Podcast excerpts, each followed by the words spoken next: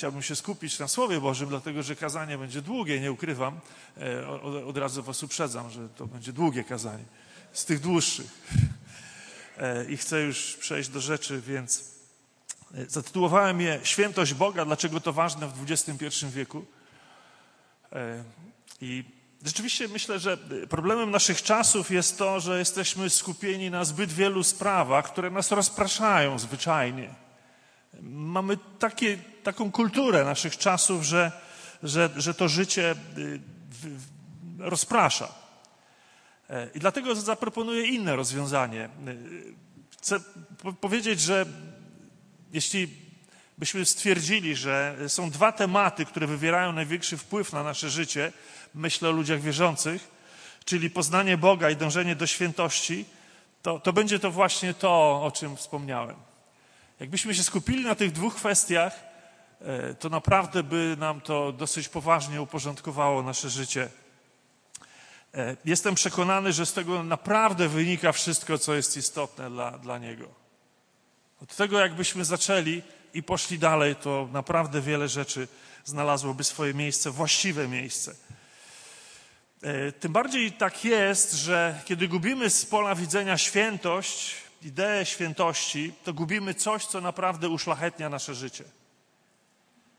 Jest taki zapomniany już właściwie werset ze Starego Testamentu, e, z przypowieści Salomona 9:10. Początkiem mądrości jest bojaźń Pana, a poznanie świętego to rozum.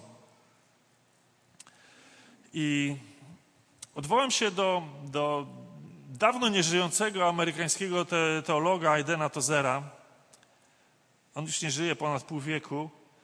E, I niezwykle, niezwykłe jest to, jak bardzo aktualne są jego słowa dotyczące naszych czasów, mimo że napisał je gdzieś w okolicach połowy XX wieku.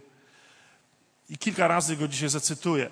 Człowiek, który dochodzi do właściwego przekonania o Bogu, uwalnia się od tysięcy doraźnych problemów, gdyż dostrzega, że dotyczą one spraw, które w większości nie mogą obchodzić go przez dłuższy czas. Inaczej mówiąc, rozmyślanie nad wiecznością Boga e, przywraca naszej doczesności właściwą perspektywę. Zaczynamy widzieć rzeczy takimi, jakie one w rzeczywistości są, a nie takimi, jakie, jaką rangę nadaje im świat zewnętrzny, jaką sami jesteśmy skłonni nadawać im rangę.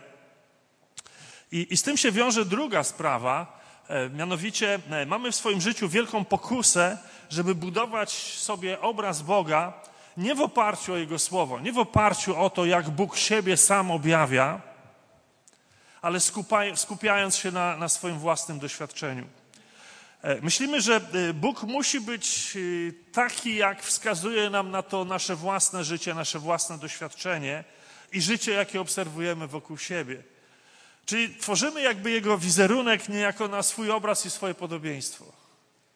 I bardzo wielu ludzi, y, nawet w sposób nieuświadomiony, funkcjonuje właśnie w ten sposób, że y, mamy w, swojej, w swoich myślach, w swoim sercu, a często też na ustach, y, obraz Boga zgoła nieprawdziwy, ale bliski naszemu przeżyciu. Bliski temu, jakbyśmy sobie Boga wyobrażali, a jeśli nasze życie obfituje w niepowodzenia i rozczarowania, to również tak będzie się to odbijało na naszym obrazie Boga. Jeszcze raz, y, Aiden Tozer mówi y, coś takiego o, o, o Bogu właśnie takim tworzonym na, na swój obraz i podobieństwo.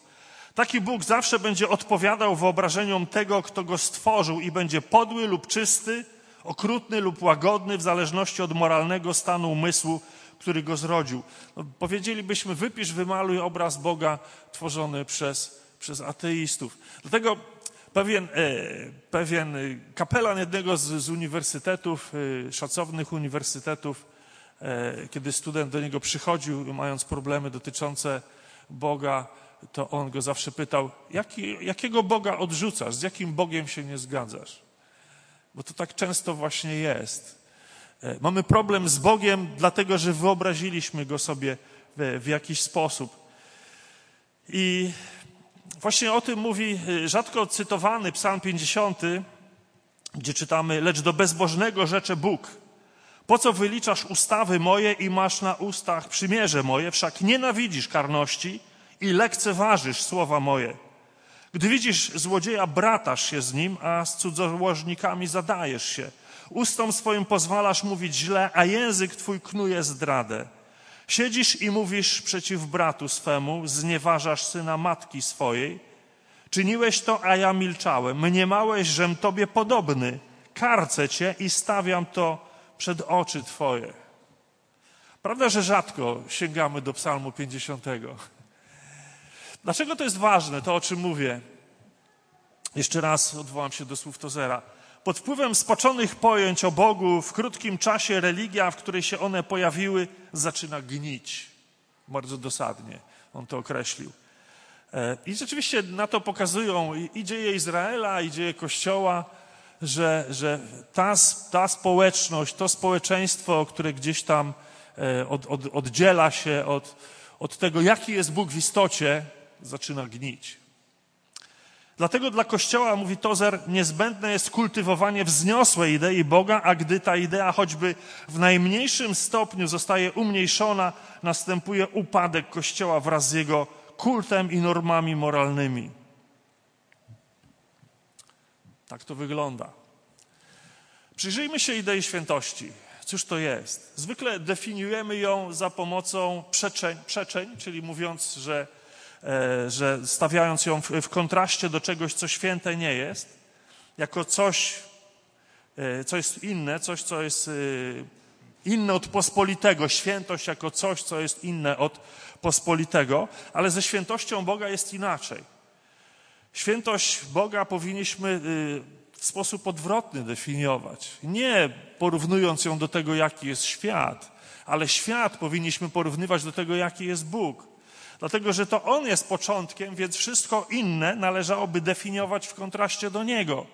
Od Boga się wszystko zaczyna i Bóg ustala, co jest prawdą, co jest fałszem, co jest dobrem, co jest złem, co jest, y, co jest szlachetne, co jest pospolite. I, I w taki sposób powinniśmy definiować świętość, i w taki sposób tak naprawdę powinniśmy definiować wszystko, co jest wokół nas. Tradycyjnie mówimy więc, że świętość to oddzielenie od grzechu i wszelkiej nieczystości, bo taki jest Bóg.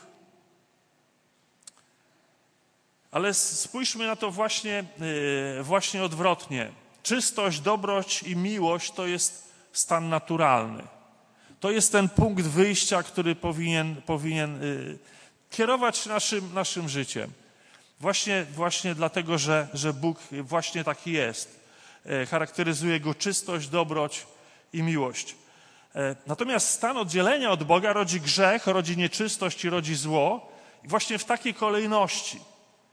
Grzech, nieczystość i zło. Bo e, wszystko zaczyna się od naszego oddalenia od Boga. Tu jest początek. Wtedy pojawia się grzech, wtedy pojawia się odstępstwo i upadek, jakkolwiek to nazwiemy. W takiej kolejności. Najpierw człowiek oddala się od Boga, a później w jego życiu pojawia się grzech. My natomiast myślimy odwrotnie, że to grzech nas oddziela od Boga. Zgadza się, ale to się rozpoczęło już wcześniej.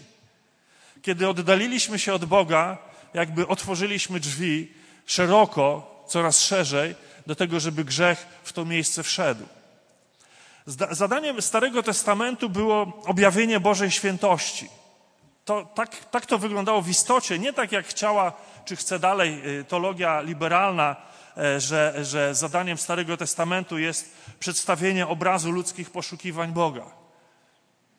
Nie, po to otrzymaliśmy Stary Testament, żeby, żeby stamtąd zaczerpnąć to objawienie Bożej świętości. Celem prawa było objawienie Izraelowi świętości Boga, jako wskazanie punktu odniesienia do właściwego postępowania. Świętości Boga, czyli tej inności, tego, tego zupełnie innego świata wartości niż ten świat wartości, który, który buduje, buduje życie, rzeczywistość wokół nas. Tę rzeczywistość często odstępczą właśnie. I Izrael nie mógł pojąć, kim jest, dopóki nie ujrzał i nie pojął, kim jest Bóg. I zawsze, kiedy Izrael, Izraelici mieli problem ze świętością Boga, mieli problem z poznaniem, kim w istocie jest Bóg, mieli problem z własną tożsamością. Czy nie tak samo jest z nami dzisiaj? Mamy problem z tym, kim jesteśmy w istocie, dlatego że e, mamy problem z określeniem, kim jest Bóg. Niby wiemy, prawda? Cóż bardziej oczywistego, żeby zapytać, kim jest Bóg. Ale mówię o tym rzeczywistym, tym, tym, tym obrazie Boga, który ma wpływ na nasze życie, a nie tym obrazie Boga, który jedynie gdzieś tam mamy na, na półce jako, jako rzecz godną, godną uwagi, rzecz, z którą się zgadzamy, ale taką, po którą nie sięgamy jednak, nie zaglądamy do niej. I cały system obrzędowy w Starym Testamencie, prawa dotyczące pokarmów czystych, nieczystych, miały pokazywać, że Izraelici jako wybrani Boga powinni być święci tak jak On. Oto ja jestem święty i wy jesteście święci, nie powinniście więc jeść tego, co jedzą inni. Nie powinniście zachowywać się tak, jak zachowują się inni. Temu służył podział na to, co czyste i to, co nieczyste. Aspekt praktyczny, bo taki też był, jedynie był czymś dodatkowym w tym, w tym wszystkim, chociaż nie bez znaczenia. Bóg chciał mieć swój lud takim, jakim był on sam. Oczywiście w takim zakresie, jaki był dla nich możliwy, ale tak właśnie, taki, takie właśnie zadanie Bóg postawił przed Izraelem. Co oznacza pojęcie świętości w Biblii? Zobaczmy, jak to definiuje Stary Testament, jak na to patrzy Nowy Testament. Dzisiaj jest takie niezwykłe, znaczy nietypowe kazanie dla mnie, dla tych, którzy mnie znają, bo z reguły w dziewięćdziesięciu kilku procentach głoszę słowo w oparciu o jeden tekst, natomiast dzisiaj tych tekstów będzie bardzo dużo. W Habakuka 1.13a czytamy tak. Twoje oczy są zbyt czyste, aby mogły patrzeć na zło. Nie możesz spoglądać na bezprawie. To jest ta definicja świętości Boga ze Starego Testamentu. Twoje oczy są zbyt czyste, aby mogły patrzeć na zło, nie możesz spoglądać na bezprawie. A w Nowym Testamencie, w pierwszym liście Jana, w pierwszym rozdziale, piątym wierszu czytamy, a zwiastowanie to, które słyszeliśmy od Niego i które wam ogłaszamy jest takie, że Bóg jest światłością, a nie ma w Nim żadnej ciemności.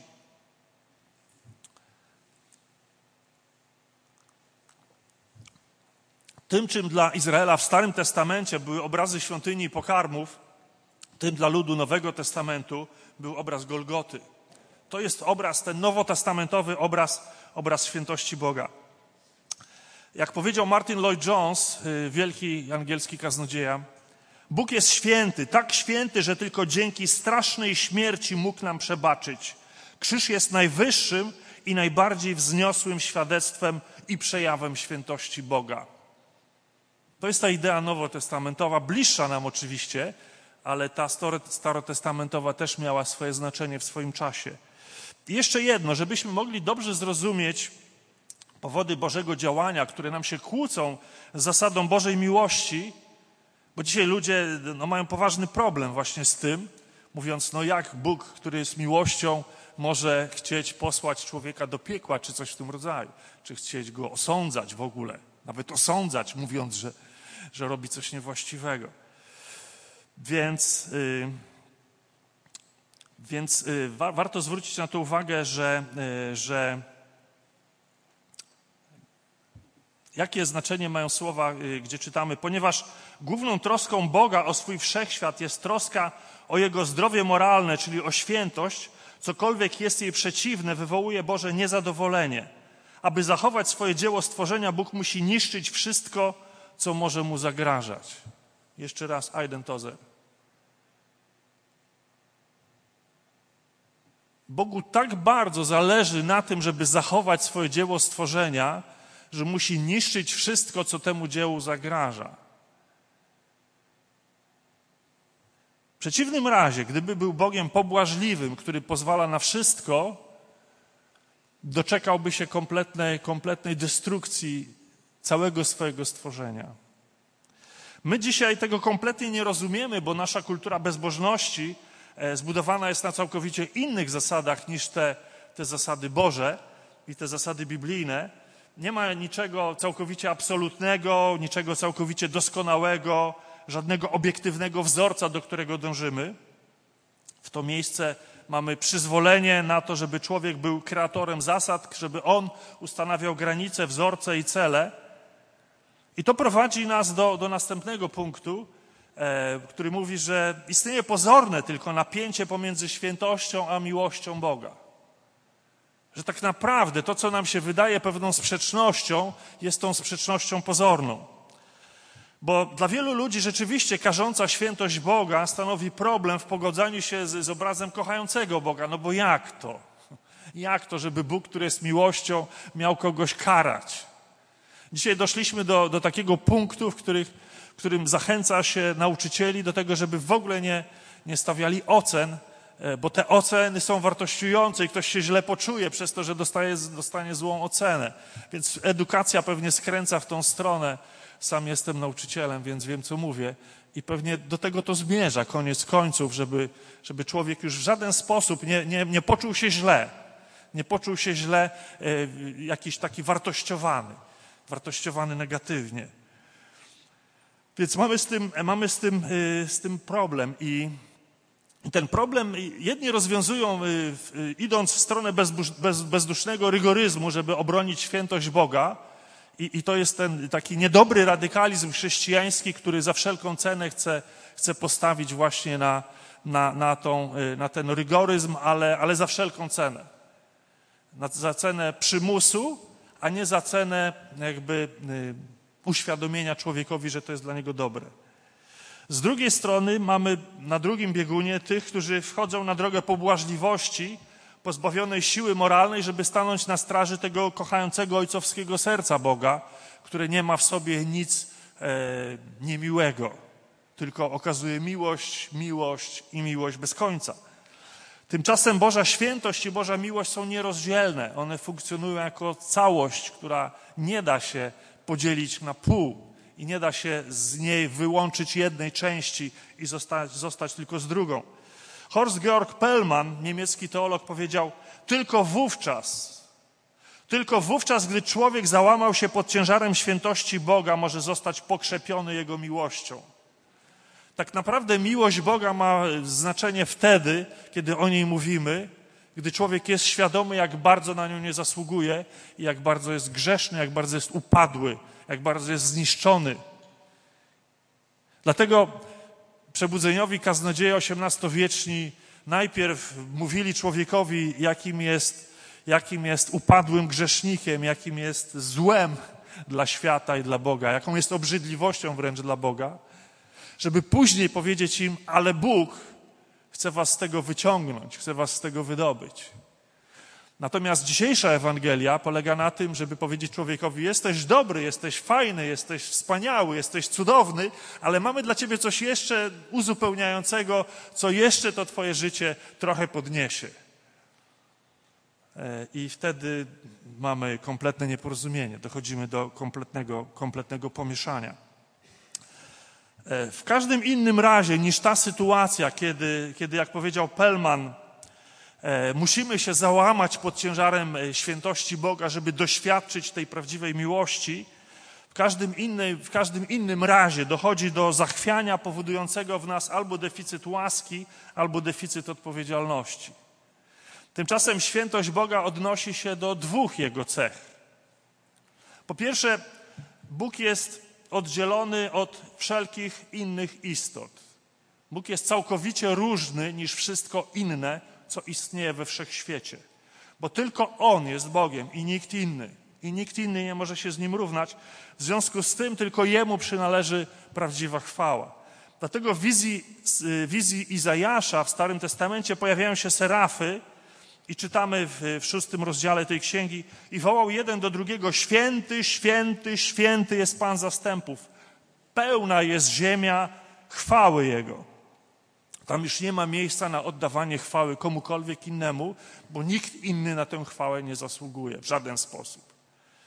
I ta sama wizja została dana Janowi na sam koniec Nowego Testamentu, jeśli popatrzymy na to w ten sposób chronologiczny, e, gdzie w objawieniu Jana 4:8 czytamy: a każda z tych czterech postaci miała po sześć skrzydeł, a, w, a wokoło i wewnątrz były pełne oczu i nie odpoczywając ani w dzień, ani w nocy śpiewały Święty, święty, święty jest Pan, Bóg Wszechmogący, który był i który jest i który ma przyjść. I słowa te pokazują jedno i drugie na to, że Bóg jest niezmienny. Bóg jest niezmienny w swojej istocie. Taki, jaki był w Starym Testamencie, taki jest w Nowym. Niektórzy teologowie starają się tłumaczyć tego, tego Boga e, naszego, że tak powiem, nowotestamentowego, tym, że on już nie jest taki jak ten Bóg w Starym Testamencie, bo tamten był inny, ale ten już się nauczył i już jest, już jest inny. Bóg jest ten sam na wieki, jaki był w Starym, jaki taki jest w Nowym. E, oczywiście zmieniło się trochę jego, zmienił się trochę jego sposób oddziaływania na nas, ale sam Bóg się nie zmienił. Paweł pisze o nim w pierwszym liście do Tymoteusza, jedyny, który ma nieśmiertelność, który mieszka w światłości niedostępnej, którego nikt z ludzi nie widział i widzieć nie może. Jemu niech będzie cześć i moc wieczna. Amen. Bóg jest święty, natomiast człowiek jest winny. Czy nam się to podoba, czy nie, człowiek jest winny, ludzie są winni. Dlatego, że odwrócili się od Boga, dlatego, że poznawszy Boga, nie uwielbili Go jako Boga i nie złożyli Mu dziękczynienia, lecz znikczemnieli w myślach swoich, a ich nierozumne serce pogrążyło się w ciemności. Tak pisze Paweł na samym początku listu do Rzymian w pierwszym rozdziale. Dzisiaj liberalni teologowie mają duży problem, żeby jakoś zreinterpretować te słowa, żeby one nie brzmiały w naszych uszach tak, tak świdrująco, tak, tak niemiło. E, ale Paweł napisał to, co napisał. Tak więc nieuznawanie świętości Boga e, w tym pierwotnym znaczeniu, czyli w tym jedynym znaczeniu tak naprawdę, jakie jest e, rzeczywiste, prowadzi do upadku i obciążone jest karą. My często, ale niesłusznie, y, karę wiążemy z upadkiem rzeczywiście.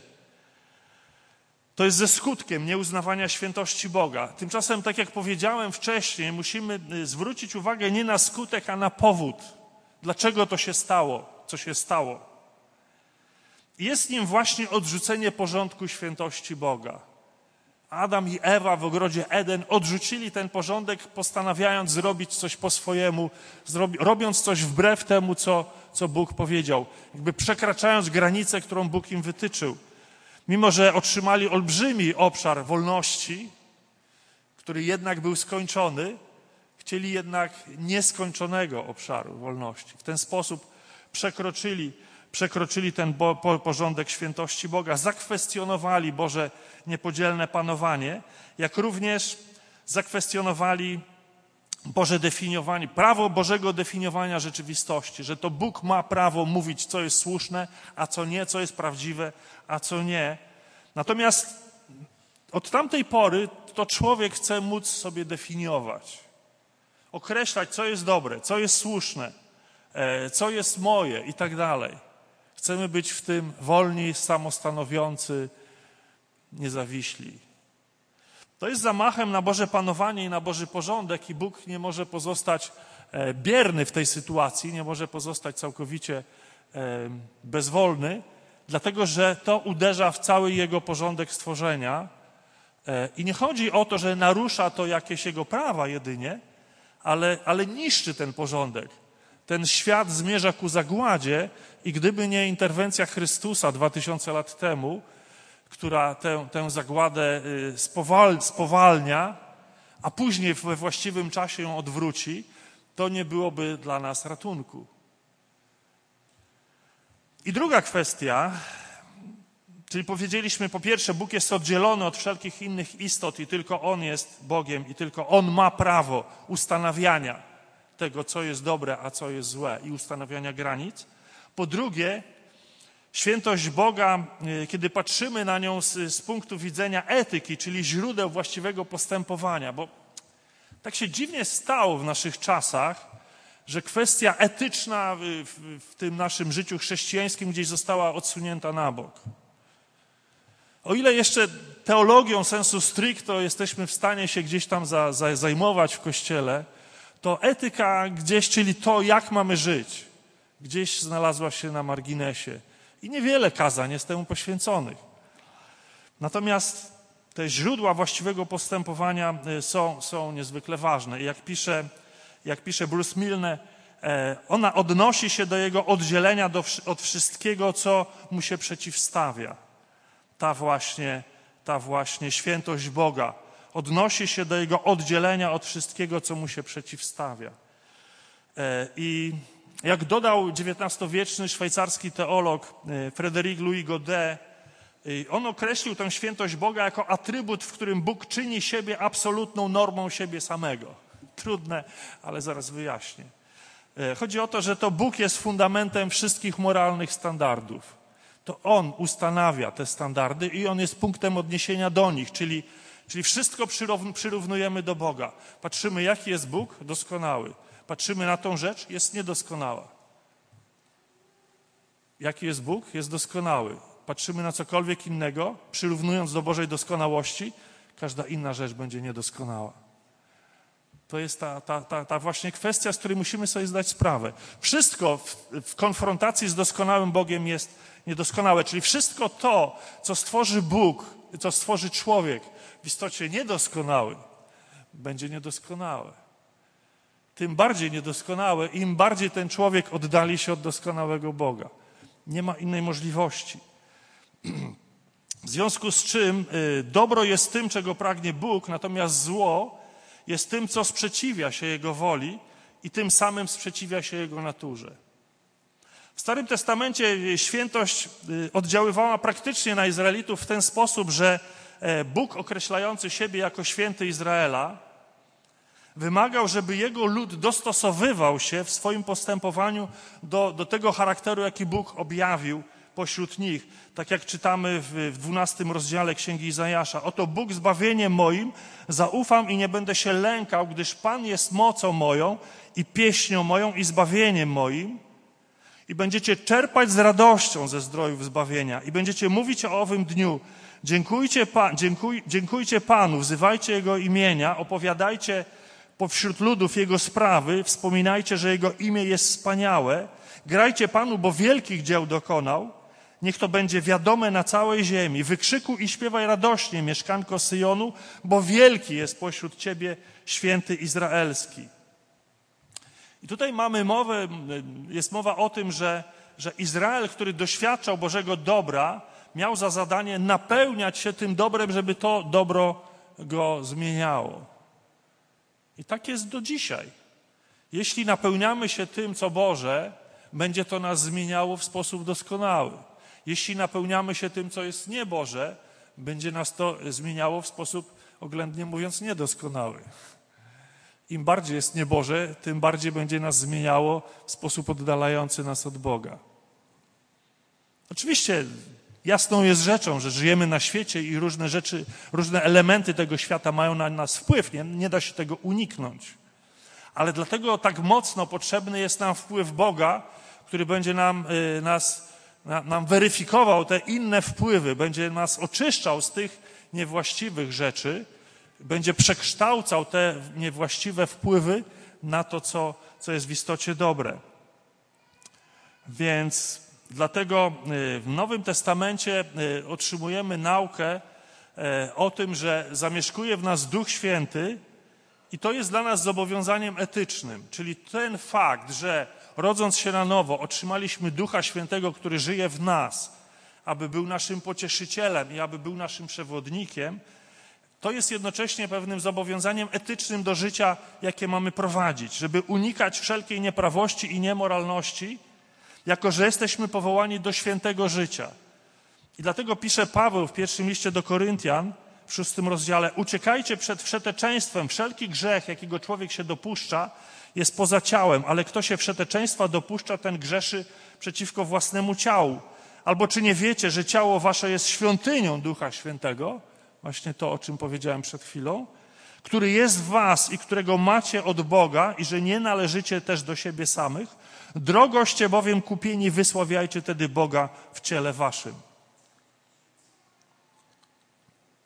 Bóg nas kupił, płacąc za nas olbrzymią cenę, cenę życia własnego syna, należymy do Niego. I to nas zobowiązuje. I to nas zobowiązuje do świętego życia. Oczywiście to, to jest jeden z powodów, ale, ale taki, którego nie powinniśmy tracić y, y, z pola widzenia. W pierwszym liście do Tesaloniczan i, i powoli się zbliżamy do końca, yy, ale to powoli. To jeszcze Jeszcze kawałek. E, na pewno przed 14 nie wrócicie do domu. Swoją drogą, tak na marginesie, e, Charles Finney, taki był e, przebudzeniowy kaznodzieja w XIX wieku, który organizował takie przebudzeniowe spotkania kościoła, które charakteryzowały się tym, że trwały tak długo, aż ludzie złamani wychodzili do przodu, nawracając się, podnosząc ręce i tak dalej. Pewnie niektórzy wychodzili mu, chcąc już wyjść, pójść do domu. Ale rzeczywiście on miał taką metodę. Ja nie mam takiej metody, więc możecie być spokojni. W pierwszym liście do y, Tesaloniczan czytamy, taka jest bowiem wola Boża, uświęcenie wasze, żebyście się powstrzymywali od przeteczeństwa, albowiem nie powołał nas Bóg do nieczystości, ale do uświęcenia. I tak w skrócie, już nie będziemy się, się tutaj nad tym e, rozwodzić. Bruce Milny e, wyróżnia takie cztery cechy Bożej natury w kontekście związku pomiędzy Bożą świętością a, a Bożą miłością. Po pierwsze, to jest Boża prawość. Bóg jest prawy, czyli robi to, co jest prawe, to, co jest słuszne, to, co jest właściwe. Druga, kwest, druga cecha to jest Boża sprawiedliwość, to jest Jego święta wola w działaniu. Boża sprawiedliwość, która kieruje Bogiem, żeby było sprawiedliwie, żeby to, jak ten świat jest urządzony, było sprawiedliwe, było czyste, było właściwe. Po trzecie, to jest Boży gniew. I tutaj mamy zawsze problem z tym oczywiście. E, John Murray powiedział: Gniew to święte wzburzenie Boga występującego przeciwko temu wszystkiemu, co jest sprzeczne z Jego świętością. Więc Bóg zawsze gniewem reaguje na naruszenie Jego świętości. I jak pisze Milny, e, bez gniewu Bóg nie byłby prawdziwie święty, a jego miłość przekształciłaby się w sentymentalizm. Nie jest to gniew stronniczy, kapryśny czy uzależniony od emocji jak u, jak u człowieka. I, I, czwarty punkt to jest Boża dobroć. Nie zapominamy o Bożej dobroci, bo mimo tego, że Bóg jest święty i, i gniewny w pewnym sensie, to jest też Bogiem dobrym, oczywiście. E, ale Boża dobroć należy zarówno do Jego świętości, jak i do Jego miłości.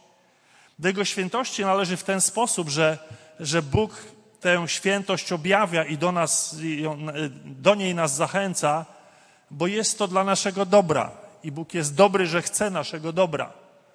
Nie robi tego niejako dla siebie, robi to dla nas. I dlaczego Bóg w ogóle objawia tę swoją świętość? Jaki jest cel tego objawienia Bożej świętości? Jest nim pouczenie, żeby zbliżyć się do Boga. Y, co ciekawe, nie, nie, nie, nie to jest pierwszoplanowym powodem, żeby, y, żeby nasze życie uległo naprawie, ale żeby, y, żeby, żebyśmy się zbliżyli do Niego. Jak czytamy w 12 rozdziale listu do Hebrajczyków, przeto okażmy się wdzięcznymi my, którzy otrzymujemy królestwo niewzruszone i oddawajmy cześć Bogu, tak jak Mu to miłe, z nabożnym szacunkiem i bojaźnią, albowiem Bóg nasz jest ogniem trawiącym. I prawda jest taka, że żyjemy w czasach pospolitych, więc i nasza relacja z Bogiem stała się pospolita. Żyjemy w czasach demokracji, więc i nasza relacja z Bogiem stała się demokratyczna. To my jesteśmy suwerenem. Tak się czujemy, że to my jesteśmy tymi, którzy mają prawo. Mają prawo ustanawiać relacje między sobą a Bogiem. Utraciliśmy pojęcie królewskiego majestatu. Jeśli oglądaliście kilka, kilka miesięcy temu e, ceremonię koronacji króla Karola III, to coś, co się pewnie już za naszego życia nie przydarzy, może się nie przydarzyć, mogła ona wydawać się nam teatralna i dziwaczna pod wieloma względami. Ale faktycznie ona obrazowała odrębność króla od zwykłych śmiertelników. Bo król jest kimś innym niż zwykli śmiertelnicy. Dzisiaj to się wydaje śmieszne, ale, ale taki był porządek świata przez wieki. Dzisiaj w, w, naszych relacjach z Bogiem nie chodzi oczywiście o ten dworski ceremoniał, szczególnie w takim wydaniu bizantyjskim, e, ale o świadomość ważności i niezwykłości tego, do którego przychodzimy, jak bardzo Bóg zasługuje na to, żeby traktować go e, wyjątkowo. Wyjątkowo. Tymczasem e, w naszych czasach nie, nie mamy już tej bogobojności, nie mamy już tej nabożności w stosunku do Boga, które y, zostały zastąpione przez bezpośredniość i pospolitość. I nie chodzi o sztuczność, oczywiście, żebyśmy byli sztuczni w tej relacji z Bogiem, ale chodzi o tę świadomość, że Bóg jest kimś innym. Bóg jest kimś innym. Zobaczcie, Czym innym jest sytuacja, kiedy Jezus powiedział: Jesteście moimi przyjaciółmi. On powiedział, że my jesteśmy Jego przyjaciółmi, a czym innym jest sytuacja, kiedy, kiedy my byśmy powiedzieli, że Jezus jest naszym kumplem.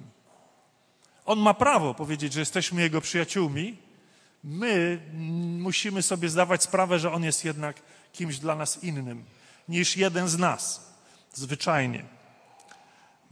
I idea świętości y, pomaga nam też zrozumieć naturę grzechu. I to jest bardzo ważne. O grzechu rzadko mówimy, więc, więc warto chwilę, chwilę się y, przy tym zatrzymać. E, nie pojmiemy, jak straszna jest natura grzechu bez tego, żebyśmy przypomnieli sobie właściwą koncepcję świętości Boga. Dopóki nie podejdziemy w, w pobliże tego ognia trawiącego, o którym, o którym pisał e, autor listu do Hebrajczyków, to zawsze będziemy mieć y, pokusę bagatelizowania grzechu, że to nic takiego strasznego. E, I nie chodzi tutaj wcale o strach przed karą, który powinien y, nami kierować. Nie o tym mówię. Jeszcze raz y, Aiden Tozer, ostatni raz już. Nauczyliśmy się współżyć z bezbożnością i patrzymy na nią jak na coś normalnego. Nie przeżywamy rozczarowań, nie znajdując pełni prawdy w naszych nauczycielach, doskonałej wierności w mężach stanu, nieposzlakowanej uczciwości w handlowcach czy absolutnego zaufania w naszych przyjaciołach. Aby przetrwać, ustanowiliśmy niezbędne przepisy, które zabezpieczają nas przed przestępstwami ludzi. Prawo tworzone jest dlatego, że jest jakieś grono złych ludzi, przed którym ci dobrzy muszą się bronić. Wiele, zdecydowana większość praw, przepisów prawa byłaby całkowicie niepotrzebna, gdyby nie właśnie ci źli. Zobaczcie, że Tozer napisał te słowa ponad pół wieku temu, e, stawiając tak druzgocącą diagnozę kondycji ludzkiej społeczności. Jak opisałby nasze czasy, aż się boję pomyśleć. Więc okropne jest to nasze przyzwyczajenie, to nasze pogodzenie się z nieświętością. E, to, że gdzieś udaliśmy, że zapomnieliśmy, że jest taki temat. Udaliśmy, że on nie istnieje. Udaliśmy, że, e, że są inne kwestie, które nas bardziej zajmują. To tak jakby uznać, że skoro wszyscy wokół nas są i tak brudni w jakiś sposób, to ja już nie muszę dbać o swoją higienę, bo po co mam być inny? Po co mam się tak starać, jak nikt się nie stara? I to jest właśnie przeciwieństwo świętości, prze, przeciwieństwo świętości, upodobnienie się do nieświętego. Ostatnią rzeczą, którą mielibyśmy zrobić jako ludzie wierzący, jest upodobnienie się do nieświętego. Natomiast tą, którą mamy zrobić, jest upodobnienie się do, do, do Boga, który jest święty. Cokolwiek jest święte, jest zdrowe. Cokolwiek jest nieświęte, jest chore. Musimy te rzeczy nazywać po imieniu. Musimy je nazywać bardzo, bardzo do, dosadnie wręcz, wyraźnie. Natomiast nasze czasy charakteryzują się e, rozmyciem. Nauczyliśmy się w imię politycznej poprawności rozmywać prawdę. Starać się podawać ją w taki sposób, żeby ona była maksymalnie strawna dla wszystkich i, i maksymalnie nie, nie, nie, nie atakująca ich. Anglicy mają to, czy, czy anglosasi mają to, to, to słowo offensive, które jest takie bardzo czytelne, właśnie nie, nie atakująca. E, I dlatego unikamy tego wszystkiego, co, co sprawi, że ktoś się poczuje źle. To, to, to bywały już takie sytuacje, że gdzieś tam w jakichś kościołach anglosaskich zwalniano pastora, bo, bo za dużo o grzechu nauczał i za dużo o, o świętości mówił, a ludzie czuli się źle. Przez to mniej ich przychodziło do kościoła, przez to finanse kościoła się popsuły, więc trzeba temu jakoś zaradzić i poszukać pastora, który byłby bardziej pobłażliwy. I wtedy wszystko wróci na miejsce. Więc właśnie odwrotnie. I piękny, piękny obraz y, tego, co słuszne, tego, co właściwe, znajdujemy u Izajasza. Znowu jeszcze raz Izajasz. Chodźcie, a będziemy się prawować, mówi Pan, choć wasze grzechy będą czerwone jak szkarłat, jak śnieg zbieleją, choć będą czerwone jak purpura, staną się białe jak wełna. Zobaczmy, że Jak mówimy o świętości, to wcale nie oznacza, że, że, że tylko mówimy rzeczy złe, czy trudne, czy ciężkie, czy przykre i tak dalej. Mówieniu o świętości są olbrzymie pokłady nadziei, bo, bo, bo, bo to mówienie o świętości prowadzi nas do tego, że tacy możemy się stać, że takie życie jest możliwe. Natomiast unikanie świętości to jest pogodzenie się z tym, że lepiej się nie da, a może być tylko gorzej. Nie. Boży Kościół musi zawsze dążyć do tego, żeby było lepiej. Żeby Boży człowiek żył lepiej, żeby Boży człowiek stawał się lepszy dzięki temu, co zrozumie, dzięki temu, że podda się Bożemu działaniu. I tu w tym tekście Izajasza pojawiają się trzy bliskoznaczne kategorie: czysty, biały, święty. I to jest właśnie to, o co w tym wszystkim chodzi.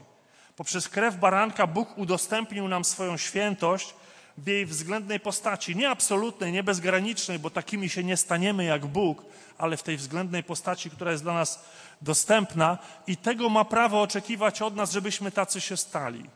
Bo On nam to umożliwił przez krew baranka. Chrystus nas oczyścił z grzechu. I w Nowym Testamencie Piotr nadaje temu wymiar praktyczny, wskazuje, jakie ma być nasze życie i co ma być jego celem. Pierwszy list Piotra 1,16. Czytamy tam, ponieważ napisano świętymi bądźcie, bo ja jestem święty. I zobaczcie, nie świętymi bądźcie, jak ja jestem święty, co dotyczyłoby świętości absolutnej, która jest dla nas niedostępna. Nie jesteśmy w stanie być tak święci jak Bóg, bo nie jesteśmy doskonali jak Bóg. Ale mówi, świętymi bądźcie, bo ja jestem święty. Więc jest to postawa na miarę naszych możliwości, ale nie takich, wiecie, jak dzisiaj obniża się te, obniża się te wszystkie, te wszystkie wymogi, obniża, obniża, żeby, żeby każdy się załapał. I, I nawet jak ktoś zajmie dwunaste miejsce, to też dostanie puchar. Mimo, że to jest ostatnie miejsce w zawodach. Żeby też czuł się dobrze jakoś, że nie był zły wcale i, i zajął to dobre dwunaste miejsce. Nie zacytuję wam teraz tego dowcipu, który mi chodzi po głowie z czasów sowieckich, ale, ale nie. E, czy myśleliście kiedyś e, w ten sposób, e, moim celem jest bycie świętym? Czy myśleliście kiedyś o swoim życiu w ten sposób? Moim celem jest bycie świętym. Dlatego powiedziałem na samym początku, skupmy się na dwóch rzeczach w swoim życiu. Choćby na tych dwóch. Jak poznać Boga i jak dążyć do świętości zamiast skupiać się na wszystkim i łapaniu wszystkich srok za ogon naraz. Czy jest to niemożliwe, żeby moim celem było bycie świętym? Zobaczmy, skupienie się na świętości Boga bezpośrednio prowadzi nas do zajęcia się naszą własną świętością. I od niej właśnie zaczyna się zmiana. I dzisiaj człowiek nie takiej zmiany szuka w swoim życiu.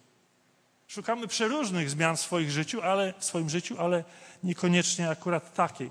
Natomiast ta zmiana jest matką wszystkich zmian. Ta zmiana w stronę świętości powoduje wszystkie inne dobre zmiany, które mogą nastąpić w naszym życiu. Te wszystkie zmiany, jakich faktycznie potrzebujemy. Tak więc dobrze zacznijmy, a dobrze skończymy. Amen. Dosyć nagle się to urwało, ale tak miało być.